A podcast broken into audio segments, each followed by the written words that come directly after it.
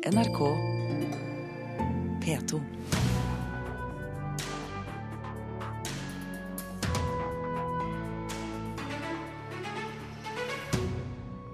Norge blir en historieløs nasjon hvis ikke regjeringen tar kulturminnevernet på alvor, mener Fortidsminneforeningen. Millionselgende plateartister trekker musikken fra strømmetjenestene. Dette viser hvor grisk platebransjen er blitt, sier VGs musikkanmelder. Science fiction-filmen Interstellar setter fyr på vår anmelders fantasi. Kulturnytt får du med Birger Kolsrud Jåsund i studio.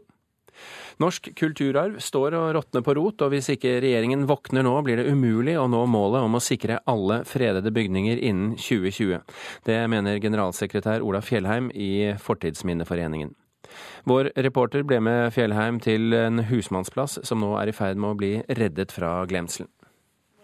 Skal vi bare gå bortover, Ja, så ja. ser vi? Åssen er skotøyet ditt? De der, Er det der. Skal jeg låne støvla? Ja, det på Av med byskoa og på med store støvler. Det vi skal se på nå, er jo eh, to husmannsplasser som hører gården her til. Ola Fjellheim viser vei over et jorde og inn i et skogholt i nærheten av Vormsund i Nes kommune. Han vil vise fram ei gammel, tradisjonell stue som har stått og råtna i vel 50 år, men som nå er under restaurering. Og etter hvert som vi nærmer oss i det fuktige høstværet, skjønner vi hvorfor gårdeier Søren Nordby insisterte på å låne bort støvlene sine. Jeg Satt støvelen fast. Hva er det de holder på med foran oss her? Nå har de, eh, driver de og tetter igjen taket, altså legger på noe bord, og så skal vi ha på eh, bølgeblekk oppå der, for det var det før. En veldig enkel restaurering, da.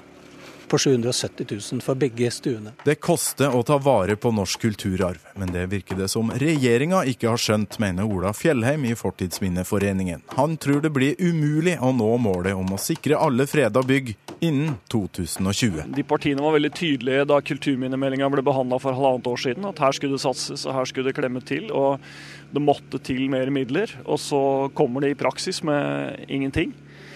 Så det er jeg skuffa over. Frafallet av, av verdifulle kulturminner er tre ganger så høyt som det Stortinget har vedtatt at det skal være. Så det er klart det haster. Men var det et hårete mål i utgangspunktet?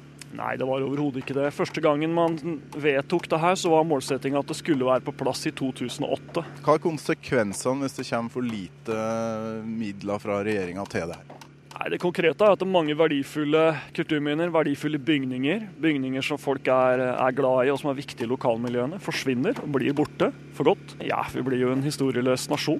Det er, eh, mange tenker ikke på ting før de er borte. Det er da de begynner å savne de. Ola Fjellheim i Fortidsminneforeningen til reporter eh, Torkil Thorsvik.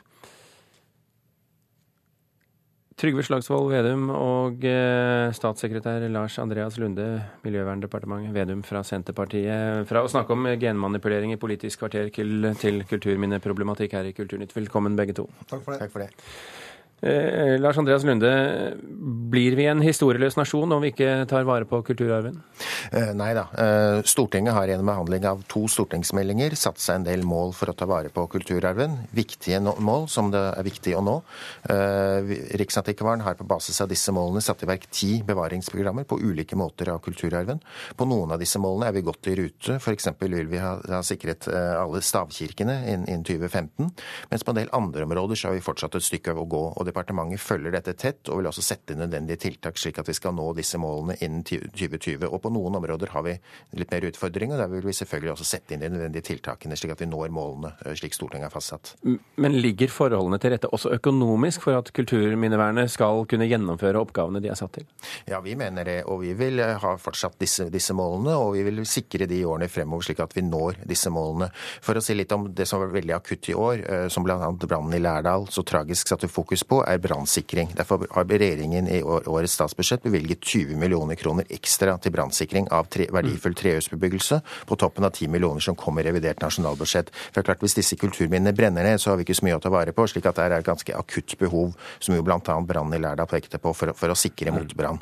Trygve Slagsvold Vedum i Senterpartiet, har Riksantikvaren og Kulturminnefondet etter din mening tilstrekkelige ressurser i dette budsjettet? Nei, vi mener ikke det. og Vi har også stilt spørsmål til eh, Miljøverndepartementet og Finansdepartementet om det. og De sier også sjøl i sitt svar til oss at skal vi klare å nå de, de målsettingene vi har satt nå, så bør vi det, På usikkert grunnlag sier de bevilger ca. 120 millioner kroner mer årlig.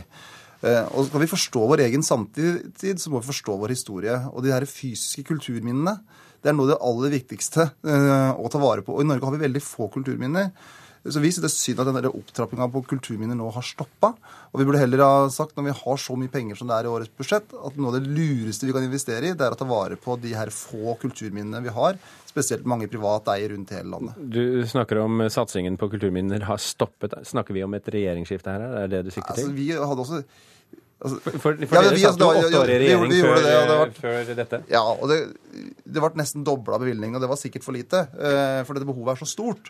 Uh, men i årets budsjett så er det ikke den derre Og veksten var sikkert for svak også under oss. Det skal ikke stikke under en stol, det. Men det nesten, ble nesten dobla bevilgningen. Og, men i år så er det nesten en, en full stopp, og det, er, og det, er, feil. Og vi bruker på statsbudsjettet totalt 41 milliarder mer oljepenger i årets budsjettforslag enn den hadde i fjorårets budsjettforslag.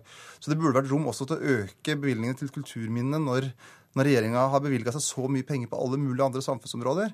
Men så er det det her, det, her det gamle bygget er kanskje litt mindre sånn salgbart i pressemeldinger eh, enn etter at nytt tiltak eller lettelse i formuesskatt eller andre typer tiltak.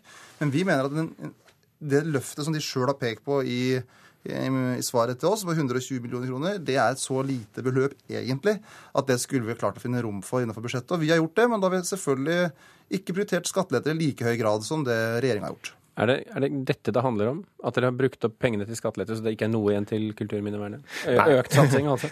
vi, vi, bruker mer penger. Vi bruker altså 20 millioner ekstra til brannsikring, som er det mest akutte tiltaket. I tillegg bruker vi også noen millioner ekstra til såkalte Kunnskapsløftet. For kanskje skal man stanse tap av kulturminner, så må man også vite hva man har, og hvordan tilstanden for dette har. Og det er noe Riksrevisjonen kritiserte den forrige regjeringen for, at man hadde for lite kunnskap om hvordan tilstanden faktisk var for kulturminnene. Derfor bruker vi noe mer penger på dette Kunnskapsløftet for å se hvordan, hvordan hvordan det står til. Og så får vi men, se... Men, men, det med kunnskap, eh, med respekt å melde, eh, Lunde, det er, vel, det er vel ikke det det står på eh, for at man Altså, man har jo visst i årevis at det er et etterslep i, i, på dette feltet. Så, så, så det er vel ikke det det står på? Ja, Det er riktig at det trengs mer penger på andre områder også, men det som Riksrevisjonen kritiserte myndighetene mest for, var nettopp mangelen på kunnskap om tilstanden, slik at vi har grepet fatt i den kritikken som, som Riksrevisjonen kom med i 2009, og, og, og, og møter den. Jo, jo, men Det er vel og bra, det, og det skal man jo selvfølgelig gjøre. Men her snakker vi om et, et problem som har vært i 10-20-30-40 år. Eh, og, og, og, byggene faller fra hverandre mens vi sitter her og snakker. Ja, det er riktig at det behøves noe mer penger, men det er ikke bare penger det står på. Det dreier seg også faktisk om kompetanse, å ha håndverkere, eh, fagfolk som faktisk kan sette det i stand. Og her er kanskje en større utfordring enn kanskje, enn kanskje pengene i, i seg selv. Men, eh, ja. Jeg tror det er veldig viktig Jeg har sjøl satt i gang eh, restaurering av et eget privat kulturminne. Uh, og jeg er så interessert i det, så for meg så er det greit å måtte bruke en del privat kapital på det. Uh, men, men, men, litt støtte fra Kulturminnefondet. Jeg fikk også det i sin tid. Det er ikke alle som har den fete stortingslønnen. Nei, det er akkurat det. Og det, det, er så viktig at staten kan være med og ta vare på en del av de bygga, fordi at de har ingen de får ikke noe økonomisk avkastning på det, men det er en kulturhistorisk avkastning og en verdi. Sånn som her på den husmannsplassen for eksempel, som ble snakk om her på, radioen. Hvordan var vår fortid? Hvordan var det de levde? Hvordan var klasseskillene? Hvorfor ble det som det ble? Og det å ta vare på de her fysiske kulturminnene her er utrolig viktig. Og stavkirkeprogrammet er, kjempebra. Vi burde ha den samme tenkningen nå rundt i middelalderkirkene. Hvordan kan vi få satt i stand de? Og da trengs det ressurser fra staten, for kommunene og private eiere de har ofte litt for dårlig råd, og det kommer litt eh, lavere ned på lista. Du skal få en kort sluttreplikk. Ja, jeg vil også peke på private eiere som Trygve Slagsvold Vedum og andre gjør en utrolig viktig jobb i å ta vare på sine, private, sine, sine kulturminner. Derfor ser regjeringen på bl.a. bruk av skattesystemet til å gi skatteinsentiver, slik at private eiere kan få noe mer penger til å ta vare på sine, uh, sine, kulturer, sine bygninger i, i, privat eie, bl.a. gjennom mulighetene for et skattefritak for, for oppussing eller til vedlikehold av private Ja, altså dette, dette, har vært, dette, har vært, en gjennomgående sak i, i Kulturnytt i årevis. og jeg jeg har inntrykk av at det, det, kommer til å fortsette å være også etter denne debatten. Men uansett, tusen hjertelig takk for at dere kom. Lars Andreas Lunde, statssekretær i Miljøverndepartementet, og Trygve Slagsvold Vedum, leder i Senterpartiet. Trommeslageren i hardrockbandet ACDC, Phil Rudd, er på New Zealand siktet for å ha forsøkt å hyre en leiemorder til å ta livet av to mennesker. Han er også siktet for drapstrusler og oppbevaring av metamfetamin og cannabis, melder BBC. Trommeslageren ble kastet ut av det australske bandet i 1983, men gjorde comeback i 1994. Fremskrittspartiets Mette Mette Hanekamhaug er eh, samarbeidspartner hos PR-byrået Gelmerden Kise, samtidig som hun er med å behandle neste års budsjett på Stortinget. Leder i kontroll- og konstitusjonskomiteen Martin Kolberg mener det er på tide å se på Stortingets regler om rolleblandingen på nytt. Reporter eh, Tone Staude orienterer. Hanekamhaug forlot Stortinget i fjor og gikk til ny jobb i PR-byrået Gelmeiden Kise. De siste to ukene har hun vært innkalt som vararepresentant på Stortinget. Frp-representanten sier til Dagsavisen at hun ikke har jobbet for byrået samtidig, og at hun heller ikke har hatt kontakt med kunder. Parlamentarisk leder i Fremskrittspartiet, Harald Tom Nesvik, mener Hanekamhaug har taklet situasjonen eksemplarisk, mens leder i kontroll- og konstitusjonskomiteen på Stortinget stusser. Det er på tide at vi får ryddet opp i dobbeltrollene, sier Martin Kolberg til avisen. Millionselgende artister som Taylor Swift, Coldplay og Beyoncé vil ikke lenger ha musikken sin på strømmetjenester som Wimp og Spotify. Håpet er at publikum heller skal betale for å laste den ned eller kjøpe CD. Dette viser hvor grisk platebransjen er blitt, sier VGs musikkanmelder. Først så la Taylor Swift ikke ut det nyeste albumet sitt på Spotify, og så fjerna hun nylig all musikken sin fra strømmingstjenesten.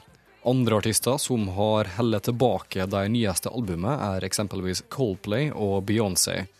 En som er sterkt kritisk til dette, er musikkjournalist i VG, Thomas Talseth. Det er dårlig behandling av eh, kunder som betaler for et produkt, og de må kunne forvente at eh, de nye, store, mest attraktive platene også dukker opp i disse tjenestene. Ikke minst med tanke på hvor ivrig bransjen har vært på å få folk inn i streamingloopen.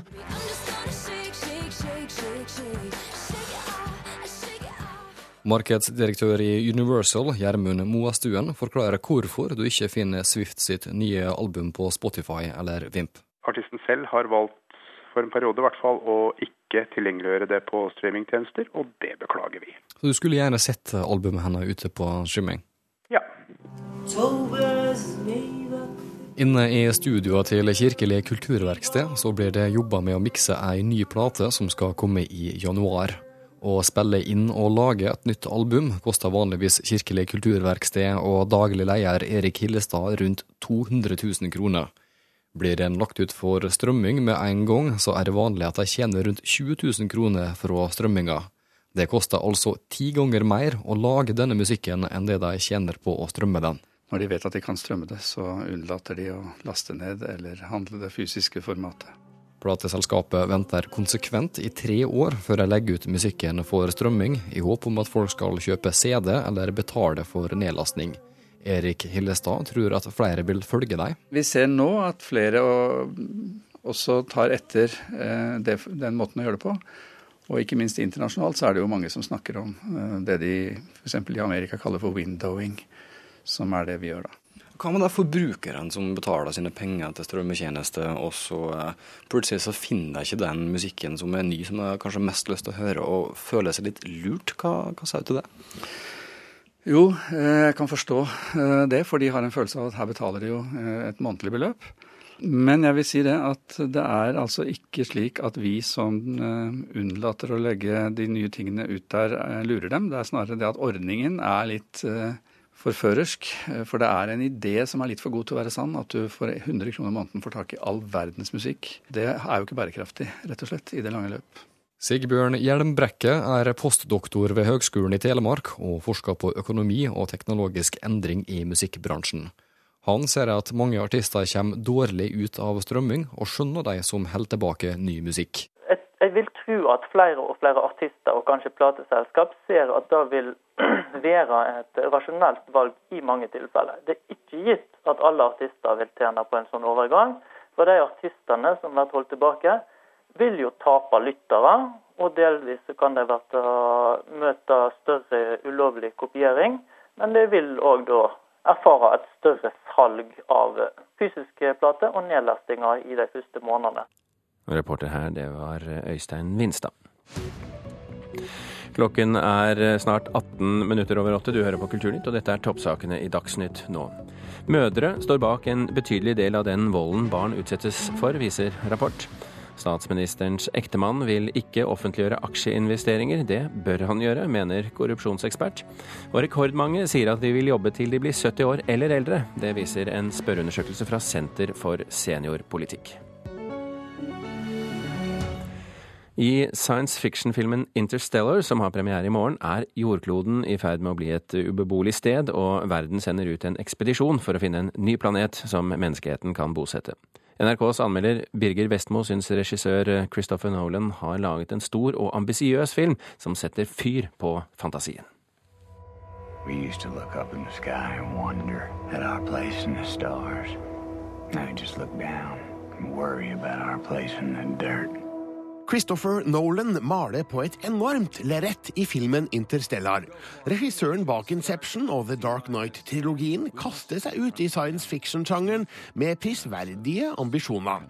Kanskje er ikke Nolans manuskript, skrevet sammen med bror Jonathan Nolan, så smart som det later til å være, men han skal få ros for viljen og motet til å fortelle en stor historie basert på grandiose ideer.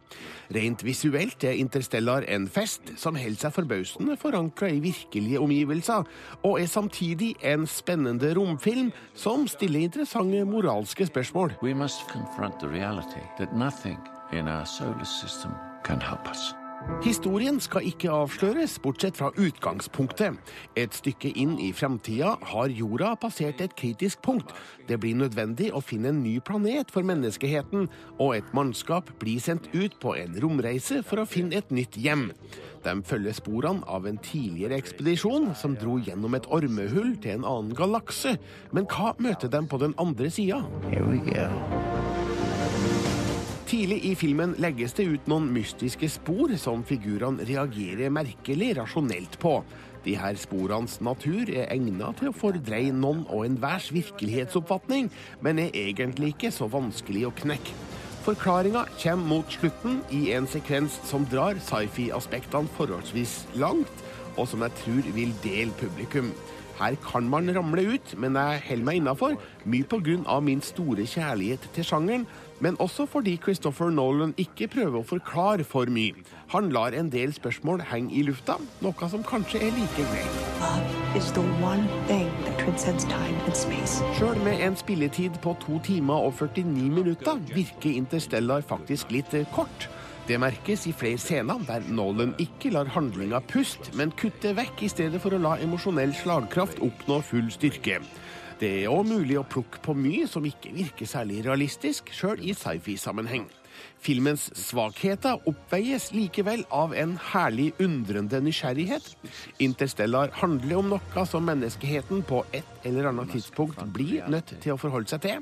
Måten det her blir gjort på, er kanskje umulig, ifølge dagens vitenskap om universets fysiske lover og regler, men det er deilig å drømme stort på kino.